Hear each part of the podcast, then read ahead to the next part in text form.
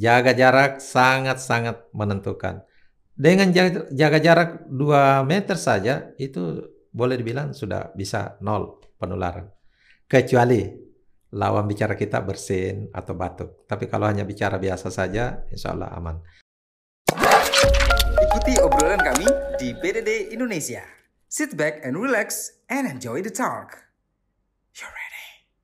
Bapak Dr. Haji Syarifuddin Palsam MKes. Siap. Sebagai gugus tugas percepatan penanganan COVID-19 Kabupaten Maros. Siap. Ini kalau kita berbicara masalah COVID ya Pak. Kemarin, kemarin sebenarnya kita sudah kedatangan beberapa narasumber dan eh, rata-rata kita membahas tentang dampak pandemi yang Ya. dirasakan oleh orang-orang di Kabupaten Maros bahkan sedunia. Betul. Indonesia apalagi ya. Hmm. Dan kalau kita berbicara masalah COVID-19 ini, virus ini sudah masuk pada saat awal Maret 2020 kemarin, walaupun belum masuk di Sulawesi Selatan, tapi pertengahan Maret sudah dikatakan bahwa sudah masuklah di Sulawesi Selatan. Ya. Dan bahkan untuk Maros sendiri dari tanggal 27 Maret Pak ya, Ya, itu adalah pasien pertama yang Ya. ter- terdampak uh, COVID-19. ya, betul. Ya kan? Ya. Yang har- akhirnya harus dirujuk ke salah satu rumah sakit besar di Makassar. Ya. Bapak melihat ini seperti apa? Dari eh, kemunculan COVID pada saat itu yang menggegerkan orang-orang di Indonesia, terutama Kabupaten Maros di 14 kecamatan, Apanya? gimana melihatnya? Iya, di di awal-awal memang COVID ini pasien pertama kita di Maros itu tanggal 27 itu. Iya. Iya, begitu hebohnya, geger satu kabupaten, bahkan banyak yang tidak mau lewat di jalanan Poros Karyango itu. Wow. Iya, karena eh, alamat pasien pertama itu ada di situ. Iya, Ya, iya, itu iya. itu mungkin karena ketidaktahuan belum tahu masyarakat bahwa sifat virus itu bagaimana. Yes. Jadi walaupun di jalanan dia takut lewat. Ada beberapa itu takut lewat situ. Kepanikan berlebihan mungkin ya, Iya, bisa dikatakan kepanikan seperti itu ya. berlebihan. Itu pasien pertama Mhm. kita di Kabupaten Maros dan alhamdulillah setelah dirawat lama karena memang banyak penyakit penyertanya, Mhm. komorbid istilahnya, Mhm. eh, COVID-nya sembuh. Setelah Sembuh. penanganan akhirnya sembuh. Iya, setelah dirawat eh, di rumah sakit eh, sembuh COVID-nya, tapi pada akhirnya meninggal karena penyakit lain. Bukan karena COVID, tapi Bukan. karena penyakit lain. Bukan. Penyakit bawaan gitu Iya, ya. penyakit yang memang sudah ada. Ya di awal-awal itu kan bisa bisa, dibilang bahwa saya salah satu termasuk Gi. Waktu itu saya adalah orang yang juga sangat panik dengan hal itu. Karena kan Iya. kita kita di apa ya, didoktrin bahwa sebenarnya virus ini adalah virus yang sangat mematikan, virus Iya. yang sangat mematikan. Iya. Gitu kan kita melihat di negara-negara sebelumnya, Iya. sebelum masuk ke Indonesia pun wah ini kok bah- berbahaya sekali gitu kan. Iya. Bahkan bisa dikatakan bahwa virus yang eh, bisa dibilang hampir tak terlihat ini adalah monster Iya. pada saat itu. Terus pada saat itu dari gugus tugas di Kabupaten Maros ini em, mengedukasi masyarakat seperti apa bahwa ini virus tidak sebahaya yang kita pikirkan selama ini gitu. Iya, jadi memang karena kita sebelum masuk ke Maros kita sudah sudah tahu, sudah eh, apa baca Mhm. mengenai sifat virus. Jadi kita sudah edukasi masyarakat melalui jaringan kita di puskesmas-puskesmas, Mhm. sudah keliling ke masyarakat-masyarakat eh, untuk apa mengedukasi masyarakat. Cuma memang karena apa pemberitaan yang sangat luar biasa, akhirnya sampai sekarang pun masyarakat sebenarnya masih ada yang sangat-sangat panik.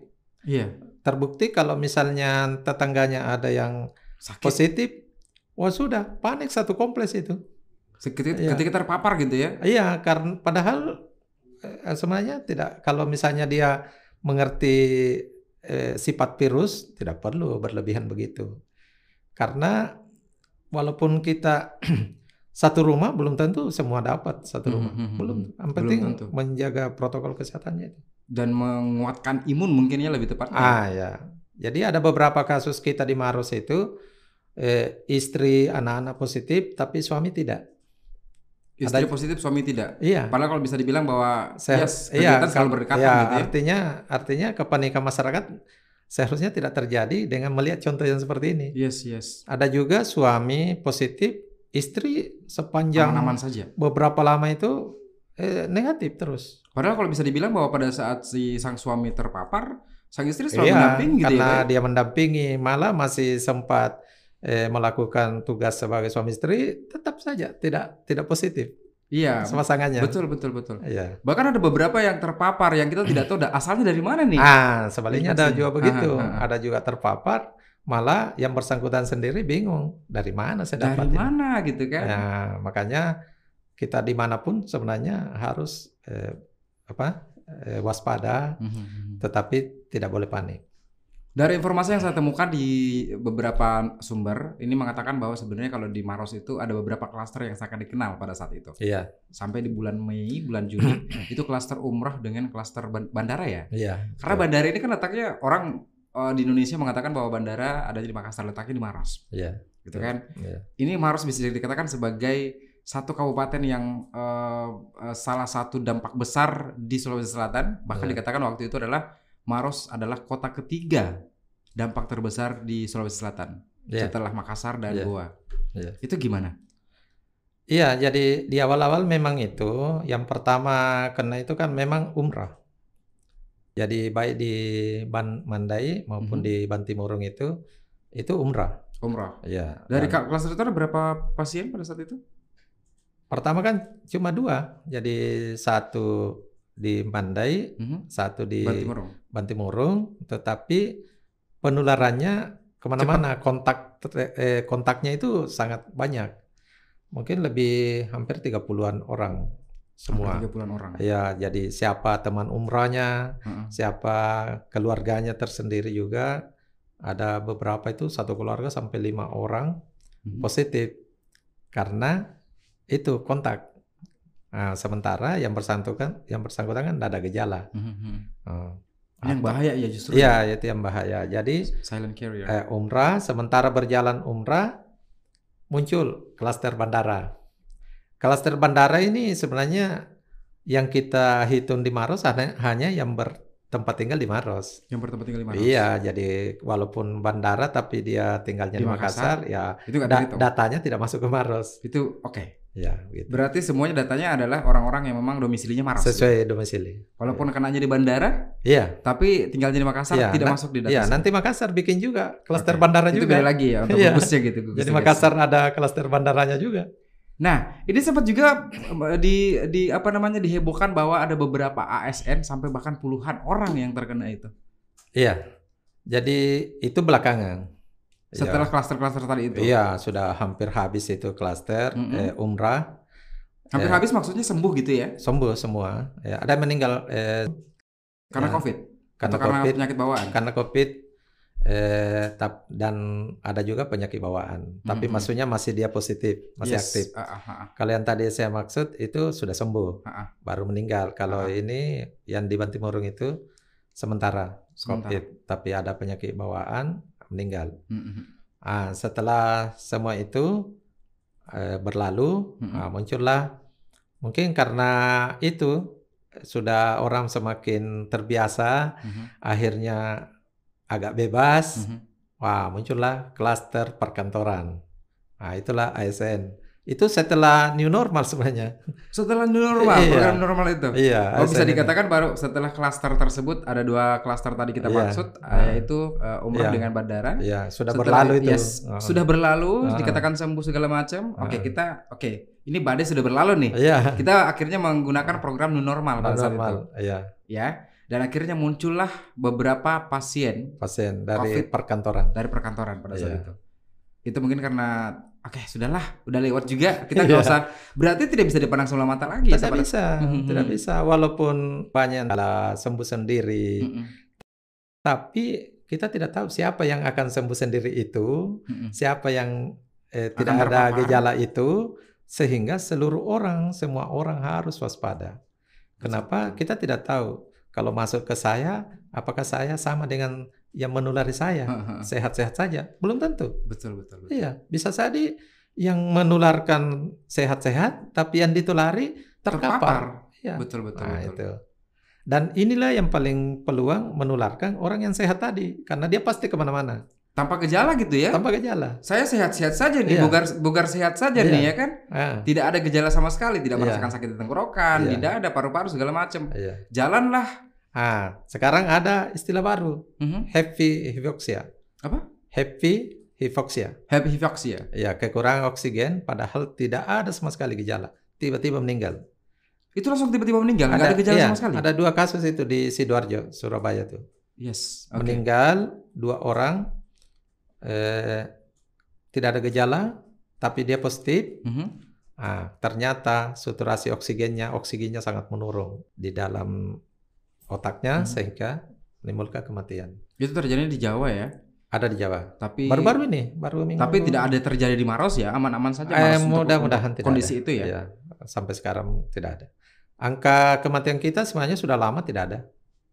Dari Iya, jadi kematian sekarang COVID ini kematian COVID sekarang eh, 9 orang selama ini. Itu sembilan pun, orang ya, dari itu awal pun di awal-awal.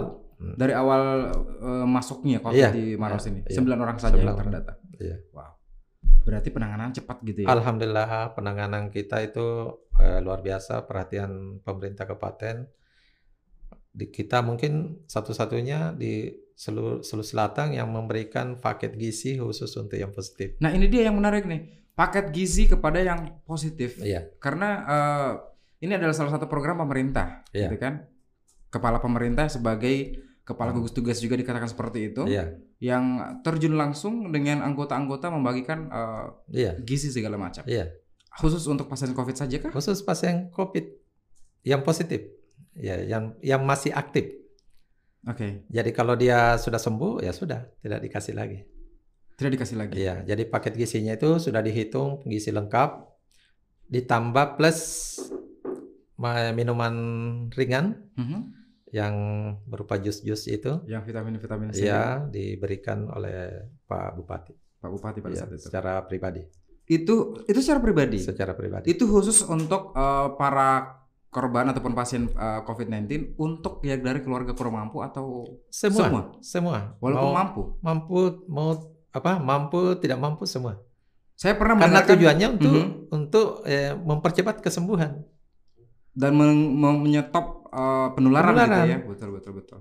Mempercepat satu hari saja sembuh itu bisa mengurangi penularan sampai puluhan. Saya hanya mendengarkan beberapa eh, keluhan dari masyarakat di sekitaran saya. Iya. Dan semoga itu tidak terjadi di Maros ya. Iya. Bahwa ada beberapa yang mengeluh bahwa ini sebenarnya bantuan seperti ini diberikan kepada eh, pasien COVID sajakah atau semua yang eh, pasien COVID yang eh, kurang mampu atau semua walaupun mampu untuk membeli segala macam. Itu Iya. pernah menjadi eh, pembahasan, tapi sekarang terjawab. Terjawab, jadi semua. Kenapa? Walaupun dia mampu, tapi kan kita larang keluar. Oke. Jadi mungkin banyak uangnya, tapi tidak boleh keluar. Tetap harus Tetap di rumah, karantina di di rumah. karantina mandiri di Mhm. rumah, atau mungkin kita bawa ke hotel Mhm. sebagai duta COVID, sehingga apa pun kebutuhannya kita penuhi. Itu ke eh, kita di karantina di hotel misalnya ketika dia pasien COVID Iya, di karantina di hotel bayar nggak tuh mereka? gratis. Di- ditanggung oleh Ditanggung oleh pemerintah provinsi. provinsi. Iya, provinsi. Oke. Tapi eh, tim medisnya itu dari Maros. tim medicine dari Maros. Ya, jadi dokter, perawat tiga, eh, driver ambulans dan ambulans sendiri dari Maros. Kalau perawat sendiri yang Hmm. bertugas di rumah sakit yang harus bekerja keras, bekerja keras untuk bisa menyembuhkan semua eh, pasien. Hmm. Tapi kan ini adalah bisa dikatakan mereka orang-orang yang paling rentan untuk terdampak. Hmm. Ada berapa sih pasien di Maros ini dari eh, orang-orang seperti perawat, dokter dan sebagainya? Kalau eh, apa namanya eh, di Maros sebenarnya tidak merawat pasien COVID karena bukan rumah sakit rujukan. Oh, semuanya akan dirujuk ke Makassar Ya, gitu ya? jadi semua akan dirujuk. Tapi walaupun demikian, seluruh petugas kita itu eh, kita eh, anjurkan, kita harapkan dia memakai APD lengkap apabila melayani pasien yang memang mengarah ke COVID. Apalagi sudah positif COVID. Apalagi gitu ya. kalau positif, Mhm. eh, itu akan pakaian lengkap, pakai APD lengkap, hazmat, pakai Mhm. Google, pakai tutup kepala, Oke. sepatu bot dan sebagainya. Pokoknya semuanya harus diprotek gitu ya. Termasuk kalau di, kita mau antar ke Makassar, itu harus pakai lengkap. Ambulans juga semprot, sesudah dipakai semprot lagi. Di awal-awal ini kan bisa dikatakan Maros adalah kota menurut saya pribadi adalah jalan poros, jalan transit, Iya. ya kan? Hmm. Yang eh, jalan Trans Sulawesi, Ya. di mana kita harus dari Makassar ke daerah itu lewat Maros pasti. Lewat Maros pasti. Pada saat di awal-awal itu di awal Maret, eh, sorry di di Maret, April, April. Mei, April Mei. selama tiga bulan itu eh, di awal-awal COVID-19 menyebar di eh, Kabupaten Maros ini. Iya. Penanganannya seperti apa? Tegaskah atau seperti apa? Sangat tegas. Karena walaupun Maros tidak memperlakukan PSBB, Tidak pernah melakukan tidak pernah melakukan PSBB, tapi tindakan-tindakan kita itu ya mengarah seperti PSBB. seperti Iya, karena semua eh, satuan tugas, semua eh, OPD Mhm. itu diturunkan ke lapangan, camat, lurah, eh, apa namanya, memberikan bantuan, meng- memeriksa eh, masyarakat yang Yes. lalu lalang. Bahkan ada beberapa desa itu dia melakukan penutupan jalan, Jalan. ya penutupan jalan. Jadi semua yang mau melintas di situ harus diperiksa, Harus suhu, diperiksa. periksa, suhu tubuh, eh, apa, cuci tangan, wajib pakai masker. Iya. Ya, seperti itu. Jadi seharusnya itu dipertahankan karena eh, COVID ini belum berlalu. Nah sekarang gimana? Masih seperti itu kah atau sudah? Eh, sepertinya Dengan sudah agak kendor. normal, Iya, agak kendor gitu iya, ya? agak kendor dan itulah yang kita sayangkan sebenarnya. Dan pemerintah daerah tidak tinggal diam. Sekarang kita sementara mempersiapkan perda untuk eh, penanganan COVID itu. Untuk peraturan ketat lagi Iya, kepada masyarakat. tidak lain kan sudah ada denda. Jadi bahkan seperti Jakarta sudah miliaran terkumpul dari dari ini. yes. itu dipakai untuk eh, melayani kembali masyarakat, misalnya membeli hand sanitizer Hmm, hmm. atau masker, Hmm. bagi-bagikan kembali masyarakat. Oke, oke. Iya. Iya. Be- ke- ini kan sering banyak prediksi Pak ya. Iya, Di Maret kemarin pada saat muncul uh, coronavirus kita saling menguatkan bahwa oke sabar saja ini hanya sebentar. iya, Prediksi kita setelah Ramadan ini akan usai. Iya. Itu kan ternyata lanjut lagi sampai di Lanjut. bulan berikutnya. iya, Di bulan Juli, Juni, Juli ada lagi. ada ya kan? Kemudian uh, kita masih menguatkan diri. Oke, kuat aja sampai September. Kalau Hmm. dari gugus tugas yang ada di Kabupaten Maros melihat ini, prediksi akan usainya pandemi ini di Kabupaten Maros itu bulan berapa? Barangkali agak sulit ya untuk menentukan bulan berapa karena eh, WHO sendiri itu memprediksi dua tahun lagi, Dua tahun lagi. dua tahun lagi. Tapi pemerintah Indonesia optimis awal 2021. Optimisnya seperti Iya. itu ya. Nah, dengan adanya produksi vaksin nanti diperkirakan di situlah mulai menurun atau mungkin bisa berhenti. Tapi virus ini tetap saya kira yakin apa? Saya yakin masih ada. Nah, tinggal itu vaksinnya nanti kan diprioritaskan dulu untuk petugas kesehatan. Diprioritaskan kepada Iya, petugas kesehatan, kesehatan. yang di lini terdepan Mhm, mhm. berhadapan dengan pasien positif. Kalau di Maros sebenarnya sekarang dibandingkan dulu-dulu itu semakin membaik, menurun. Iya, jadi angka sekarang itu kita berada di kesembuhan 91%. Berarti nggak usah tunggu perda penegasan lagi dong kalau sudah menurun. Tapi ini namanya virus bisa sporadis. Oke. Iya, tiba-tiba Muncul ber muncul, muncul kalau eh, kalau tidak ada yang ngatur eh, mengenai protokol kesehatan tadi. Iya, jadi itu yang mau diatur. Memberikan kebebasan kepada masyarakat untuk bekerja di luar rumah, Ya. tapi dengan protokol kesehatan protokol yang kesehatan dan ini ini yang banyak di diabaikan sekarang. Ya, jadi harus ketat itu. Protokol kesehatan sampai ada vaksin dan ada obat. Jadi Vaksin dan vaksin vaksin kita sekarang sebenarnya itu adalah protokol ada. kesehatan. Mhm. Kalau protokol kesehatan eh, betul-betul dijalankan, pas tidak ada penularan. Karena sudah jelas sekali virus ini dari dalam. Yes. Jadi kalau orang pakai masker, tentu bagaimana cara keluar. Kemudian yang yang tidak ada virusnya pakai masker juga, bagaimana caranya masuk? Berarti pakai masker ini untuk meng- me- bukan memprotek diri saja, tapi Bukan. juga memprotek orang lain. Protek orang lain. Kenapa? Saya ini Ha-ha. dari luar. Yes. Tadi saya ada acara di apa namanya di dinas. Pesertanya itu kurang lebih 100. Jabat tangan jabat tangan juga kah? Enggak. Oh itu sudah ditinggalkan.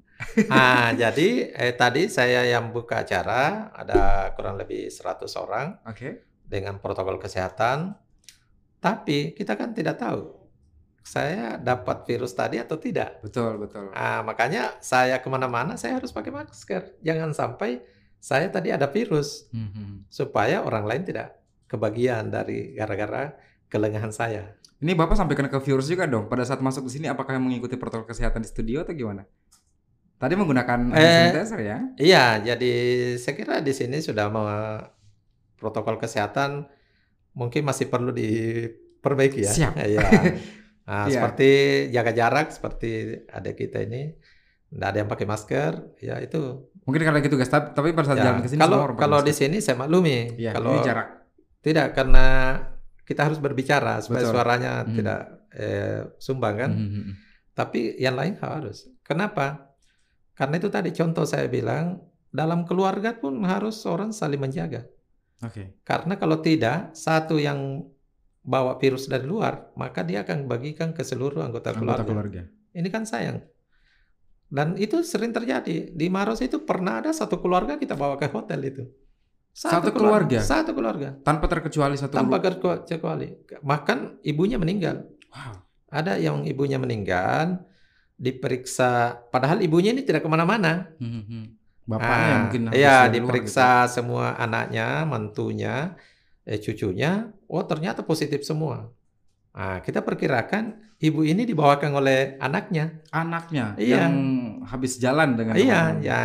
Tapi anaknya sehat karena mungkin Yes. eh, imunnya bagus. Mhm. Nah, tapi ibunya sakit dan meninggal. Wow. Ah, satu keluarga tadi ini yang tersisa semua di karantina di hotel. Semuanya dikarantina di Iya, hotel. selama dua minggu. Ada berapa anggota keluarga pada saat itu? Empat. Empat anggota Iya. keluarga. Bapak sebagai kepala rumah tangga sendiri, selain daripada orang yang bertugas di gugus tugas Kabupaten Maros, Iya. kita melihat Bapak Sarifuddin sebagai kepala rumah tangga. Ini Iya. cara memprotek keluarga dari awal mula munculnya COVID di em, Maros sampai sekarang. Oh iya. Jadi saya kan di rumah itu anak saya dua, Mhm. istri satu. Oke. Ya, eh, tapi anak saya sudah dewasa, sudah kuliah semua, jadi tinggalnya bukan di sama saya. Mhm. Dia ada di Makassar, ada di Jogja. Ah, jadi di rumah itu tetap kita jaga ini. Jadi kalau misalnya anak saya datang dari Makassar atau yang dari Jogja datang, kita anu Jangan dulu, langsung masuk jaga dulu. jarak dulu. Jangan langsung Ma- masuk dulu, iya, jadi dulu. saya sampaikan kalau masuk di rumah pakai masker, dan terus kemudian kalau batuk pakai etika batuk. Iya. Ketika batuk Iya, yang menggunakan batuk. eh, lipatan sikut gitu. Iya, eh, itu. Alhamdulillah eh, sampai saat ini setelah beberapa bulan Mhm. eh, anak-anak saya, saya sendiri, istri saya, eh, alhamdulillah sehat-sehat saja. Kita sudah berapa kali di rapid, tidak ada masalah. Mudah-mudahan Selama munculnya COVID. Saya di rapid sudah dua kali, cuma swab memang belum karena rapidnya saja tidak reaktif. Ya, Mhm. jadi seperti itu. Bapak sebagai orang yang bertugas di gugus tugas ini, ya kemarin-kemarin memang dikenal sebagai jubir ya, Ya, sampai sekarang. sampai sekarang. Iya. Bapak kalau misalnya eh, apa namanya tes rapid bayar juga nggak?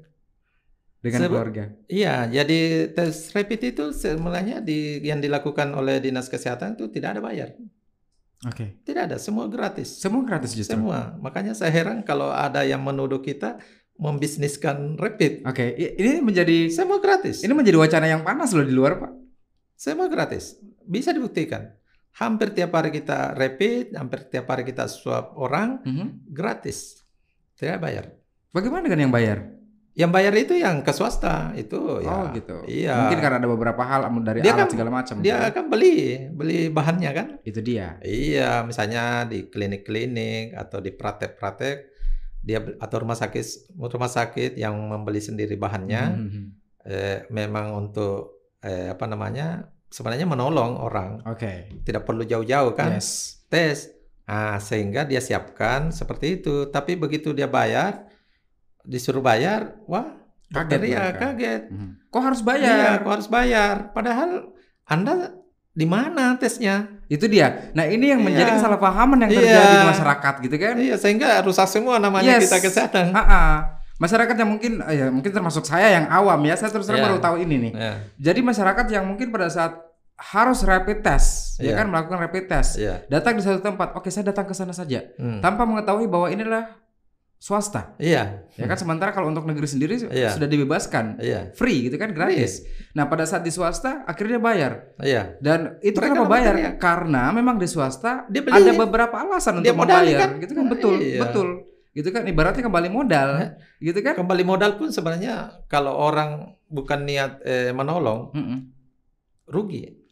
Tapi sebenarnya setidaknya membantu pemerintah dong untuk Kenapa? Kenapa rugi? Karena risiko yang dia bisa terima yang melakukan pemeriksaan itu besar sekali. Tidak Yes, seimbang dengan betul, apa betul. yang dia dapat. Iya betul. Jadi tidak bisa diserahkan juga dari swasta gitu ya pada saat harus membayar-bayar gitu Iya. ya. Karena segala macamnya pasti ada dipersiapkan. Iya. Nah, itulah muncul di masyarakat ketika datang di tempat swasta yang mungkin berbayar, Iya. akhirnya beranggapan bahwa semua Iya. tempat rapid test itu kenapa harus berbayar. Ah, itulah. Ya itu, kan? itu yang perlu diluruskan. Akhirnya muncullah sebuah pikiran Kesan. bahwa ini kenapa ada ada Ah. bisnis Iya, betul. di tengah-tengah pandemi. Iya. Iya kan? Nah. Dijelaskan lebih detail seperti apa nih, Pak? Iya, jadi jadi ya bisnis ya tentu kita tidak bisa melepaskan dari bisnis, tapi bisnisnya itu adalah yang memproduksi rapid, tentu kan dia jual kan, Yes. produksi jual. Tapi yang tuduhan itu adalah bisnis dokter, bisnis kesehatan. Mhm. Iya, padahal kita di Maros itu selama ini sudah ribuan kita lakukan pemeriksaan, tidak ada bayar satu sen pun tidak ada. Dari Bahkan awal? dari awal, bahkan ada ada sampai berkali-kali di rapid, berkali-kali di swab, tidak ada bayar. Iya, jadi mungkin ini yang sering mengeluh itu yang eh, aturan pemerintah yang kalau mau perjalanan harus harus rapid dulu, harus Mhm. ini, makanya mereka datang ke tempat-tempat itu tadi Yes. swasta Ah. atau klinik-klinik yang menyiapkan. Ah, di situ dia bayar. Wah, itulah yang dia anu. Padahal kita itu semua ada positif satu kantor, Mhm. eh, satu orang saja positif di situ atau terpapar di situ, maka seluruh kontaknya termasuk keluarganya kita periksa gratis semua. Rapid test gratis walaupun swab pun juga Iya. gratis gitu. Semua dari gratis. Biar berapa kali? Walaupun berapa kali. Iya. Persyaratannya harus orang asli Maros kah? Tidak ada, Walaupun pendatang walaupun pendatang. yang berdomisili di Maros. Iya. Iya, saya ingin mengajak Bapak dulu untuk lebih ini agak tegang kita ya membahas masalah Covid ya kan. Iya. Apalagi ini eh, bisa dikatakan bahwa dampak ini besar sekali kepada Besar seluruh sekali. masyarakat. Iya. Semua sektor kena. Itulah Gitu kan? sehingga kenapa COVID menjadi perhatian khusus dan ini untuk pertama kalinya mungkin di Indonesia ya. Eh, karena dampaknya itu, Hmm. dampak ekonomi, dampak sosial dan kalau tidak teratasi dengan baik nanti dampak keamanan. Oke. Iya, jadi sangat-sangat besar eh, dampaknya. Makanya yang paling penting fokus kita sekarang itu bagaimana menghilangkan COVID ini atau menstop COVID ini. Kalau ini berhenti Mhm. dengan sendirinya ekonomi menggeliat, Betul. iya sosial budaya menggeliat. Po- Pokoknya seperti itu. Keamanan pasti tertekan. Tapi kalau semua orang serba susah karena adanya COVID ini itu akan berdampak lebih besar lagi. Oke. Saya ingin mengajak Bapak bermain game sekarang juga Ya, biar siap, lebih santai. siap. Bapak mau minum air dulu? Boleh, boleh. Ya, ini pertanyaan kita gampang Pak ya. Saya akan memberikan pertanyaan eh, dua pilihan saja dari setiap pertanyaan, yaitu games pilih cepat. Jadi Bapak tidak harus memikirkan panjang, langsung memilih cepat. Wah, Menurut Bapak sesuai. Iya. Belum pernah datang seperti ini Pak ya. ya belum. Oke, baik. Pertanyaan pertama adalah ini di luar daripada pada daripada pandemi Pak ya. Oke, oke. Tidak ada hubungan sama COVID-19 Oh, sama iya. sekali. Yang pertama, makanan berkuah atau tidak berkuah? Berkuah. Makanan favoritnya apa? Ya, banyak sih. Salah satunya deh. Eh, apa ya? Sayur bening. Sayur bening. Oke, berikutnya adalah pedas atau tidak pedas? Pedas. Kata-kata. Kata-kata yang pedas. Bukan. Makanan ya? Makanan. Saya bercanda tadi. Iya. Yang berikutnya adalah liburan ke hotel bareng keluarga atau di alam terbuka seperti objek wisata. Di alam terbuka. Di alam terbuka. Oke. Terakhir sebelum pandemi kapan dengan keluarga jalan-jalan? Em, ya sudah lama ya. Karena pandemi saja sudah berapa bulan. Yes. pandemi dari Maret deh Iya, jadi sampai sekarang sebelum lima bulan kurang lebih. Iya. Sebenarnya sekitar ini aja, sekitar pantai Mhm. seperti di Tanjung Bira. Iya. Bulukumba Ya, terakhir itu. Bul- Sepertinya itu terakhir saya sebelum tahun lalu. masuk pandemi. Eh, Apa- awal, awal awal, ta- awal tahun ini? Awal tahun. Setelah tahun baru berarti. Iya, setelah tahun baru. Oke. Baik berikutnya adalah Bapak pilih mana nih? Harus pilih ya Pak ya? Nggak Ya. boleh nggak? Apa itu? Nyanyi atau acting? Waduh, dua-duanya tidak Harus ada. milih Pak. Mending acting deh. Acting. Gak bisa nyanyi Pak. Nggak bisa nyanyi. Bapak termasuk orang yang pada saat nyanyi harus balapan dengan musik kah? Ini kenapa gak pede nyanyi Pak? Memang bukan hobi Eh, atau Sebenarnya sih dulu waktu kecil saya penyanyi cilik sebenarnya. Oh serius? Iya, so- soalnya orang tua saya, bapak saya itu pemain band. Oke. Nah, tapi karena mungkin tidak dipupuk Bakatnya sampai- itu bakatnya lagi. itu sampai sekarang ah, paling menyerah kalau suruh nyanyi. Oke, mungkin karena uh, apa namanya Iya. sibuk juga dengan tugas-tugas Iya, kantor gitu. Saya kan. ingat waktu kecil itu saya diangkat naik di panggung untuk nyanyi. Lagu apa pada saat itu? Ya, saya sudah lupa-lupa sih. Kalau lagu sekarang deh. Oh, enggak. Pokoknya eh, menik- suka menikmati aja nyanyinya.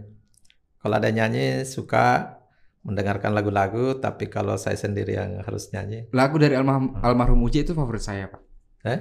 Lagu dari almarhum Uji itu favorit oh saya. iya, oh iya. Setiap manusia punya rasa cinta. Nah itu, Gimana? itu saya menikmati.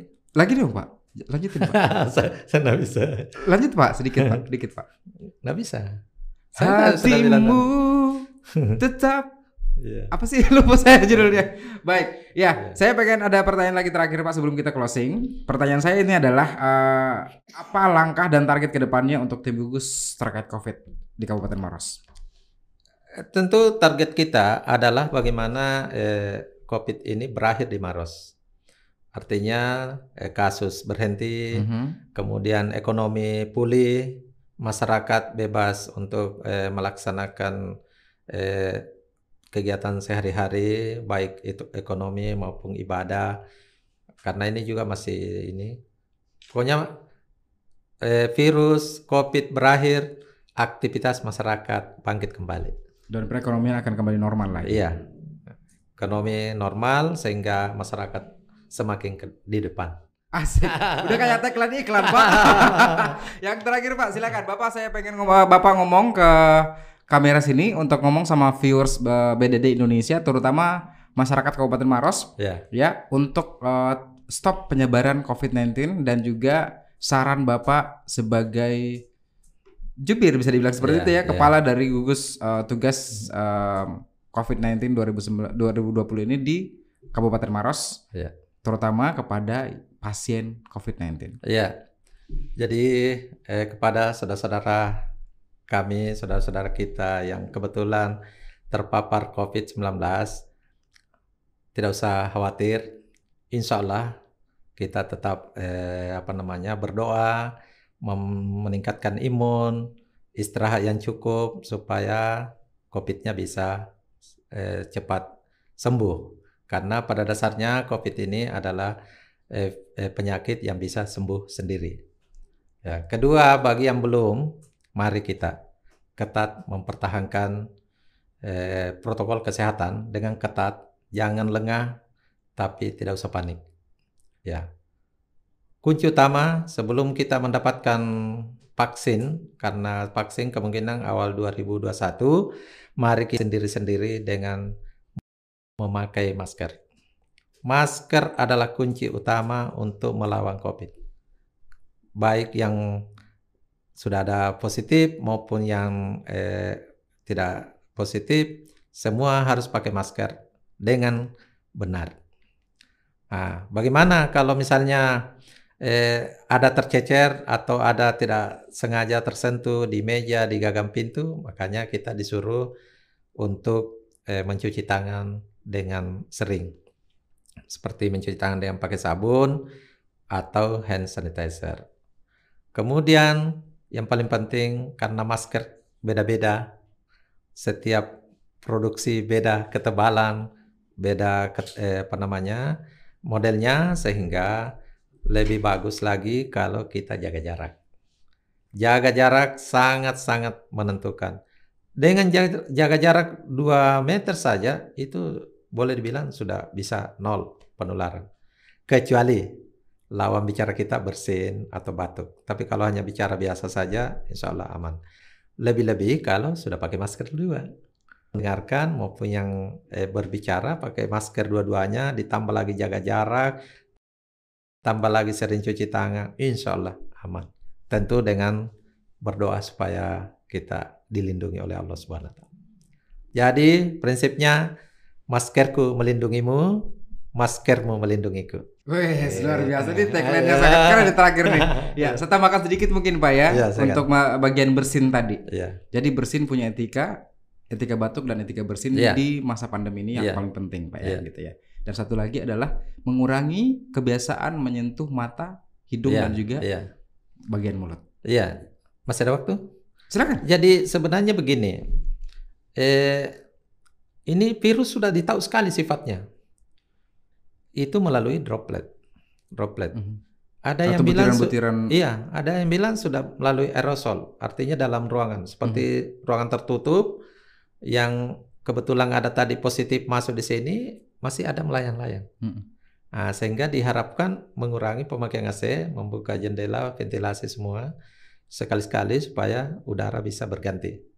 Ah, jadi kuncinya itu itu pakai masker, jaga jarak, kemudian bagi yang batuk siapa pun karena kita tidak tahu eh, Anda punya virus atau tidak. Kemudian virus apa selain virus eh, COVID juga ada penyakit lain di situ yang bisa kita cegah yaitu TBC. Itu sangat mematikan juga. Cuma obatnya sudah ada, eh, kematiannya lambat sehingga orang tidak terlalu perhatikan. Padahal sebenarnya lebih tinggi kematiannya TBC dibanding COVID. COVID. Iya. Kemudian makanya di, kita dianjurkan untuk menjalankan etika batuk, yaitu dengan pakai lengan bagian dalam kalau Hmm, batuk, Lipatan lengan mungkin. iya, atau pakai tisu satu kali pakai batuk buang di tempat sampah. Itu semua cara-cara untuk bagaimana melindungi diri, melindungi kerabat, teman, keluarga dari penularan penyakit apa pun, khususnya COVID yang lagi sekarang. Menyetop Iya. perjalanan apa penularan virus itu Iya. sendiri gitu Pak ya. Karena eh, ini di Maros ini sudah pernah beberapa kecamatan itu sudah tidak ada kasus, tapi kadang-kadang muncul lagi. Kadang-kadang muncul Satu, lagi orang. gitu kan. Karena Iya. kita belum tahu nih apakah dia dari luar kota, dari mana, dari Iya, mana. jadi semua orang yang dari luar memang harus eh, dijaga, jangan sampai terlalu dekat dengan keluarga. Yan. Termasuk anak-anak kita sendiri. Betul. Anak-anak kita misalnya dari Makassar atau karena atau dari zona merah yang lain datang, itu jangan langsung dekat-dekat. Mhm. Cuci tangan dulu, eh, pakai masker dengan jaga jarak. Oke, luar biasa hari ini dapatkan edukasi yang sangat plus klarifikasi juga kepada masyarakat gitu ya, Iya. mengedukasi masyarakat melalui eh, program kita Iya. di obrolan eh, inspirasi bersama dengan BDD Indonesia. Iya. Terima kasih ba- banyak Bapak sudah hadir. Iya. Yang kami doakan Bapak sehat selalu. Amin. amin. Masyarakat Kabupaten Waros ini tidak ada lagi yang terdampak COVID-19. Oh, Semuanya bebas dari sini dan paling penting adalah Indonesia dan bahkan Indonesia. seluruh dunia bebas. terlepas Iya, dari terlepas. COVID-19. Jadi eh, saya juga mengucapkan terima kasih Yes. kepada BDD Indonesia. eh, Indonesia memberi eh, kesempatan kepada kami untuk menjelaskan ini semua. Ya perlu kita ketahui bahwa eh, apa namanya COVID-19 ini penyakit yang betul-betul virusnya itu tidak bisa dilihat dengan mata, sangat halus. Kalau debu, debu saja masih bisa dilihat, tapi kadang ada dalam lemari, Mhm. ada dalam kotak tertutup pun ada. Tapi kalau virus ini lebih halus dari debu. Kalau debu kan bisa dilihat, Yes. tapi ini tidak bisa dilihat. Artinya apa pun dia bisa tembus kalau memang ada di sekitar kita. Nah, kita buktikan sendiri tenaga-tenaga kesehatan berguguran, dokter situ sudah ada 86 dokter meninggal karena COVID. Nah, itu bukti bahwa betul ada. Jangan sampai kelengahan kita terjadi karena ada kecurigaan kita katanya konspirasi atau apa sehingga kita tidak percaya. Jangan.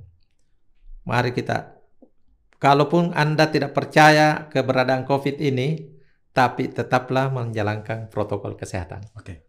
Itu dan insya Allah pemerintah akan atur itu dengan aturan yang resmi. Masih ada Bapak? Apa kita closing sekarang atau masih mau tambah lagi poin-poinnya? Iya, Masih panjang ya?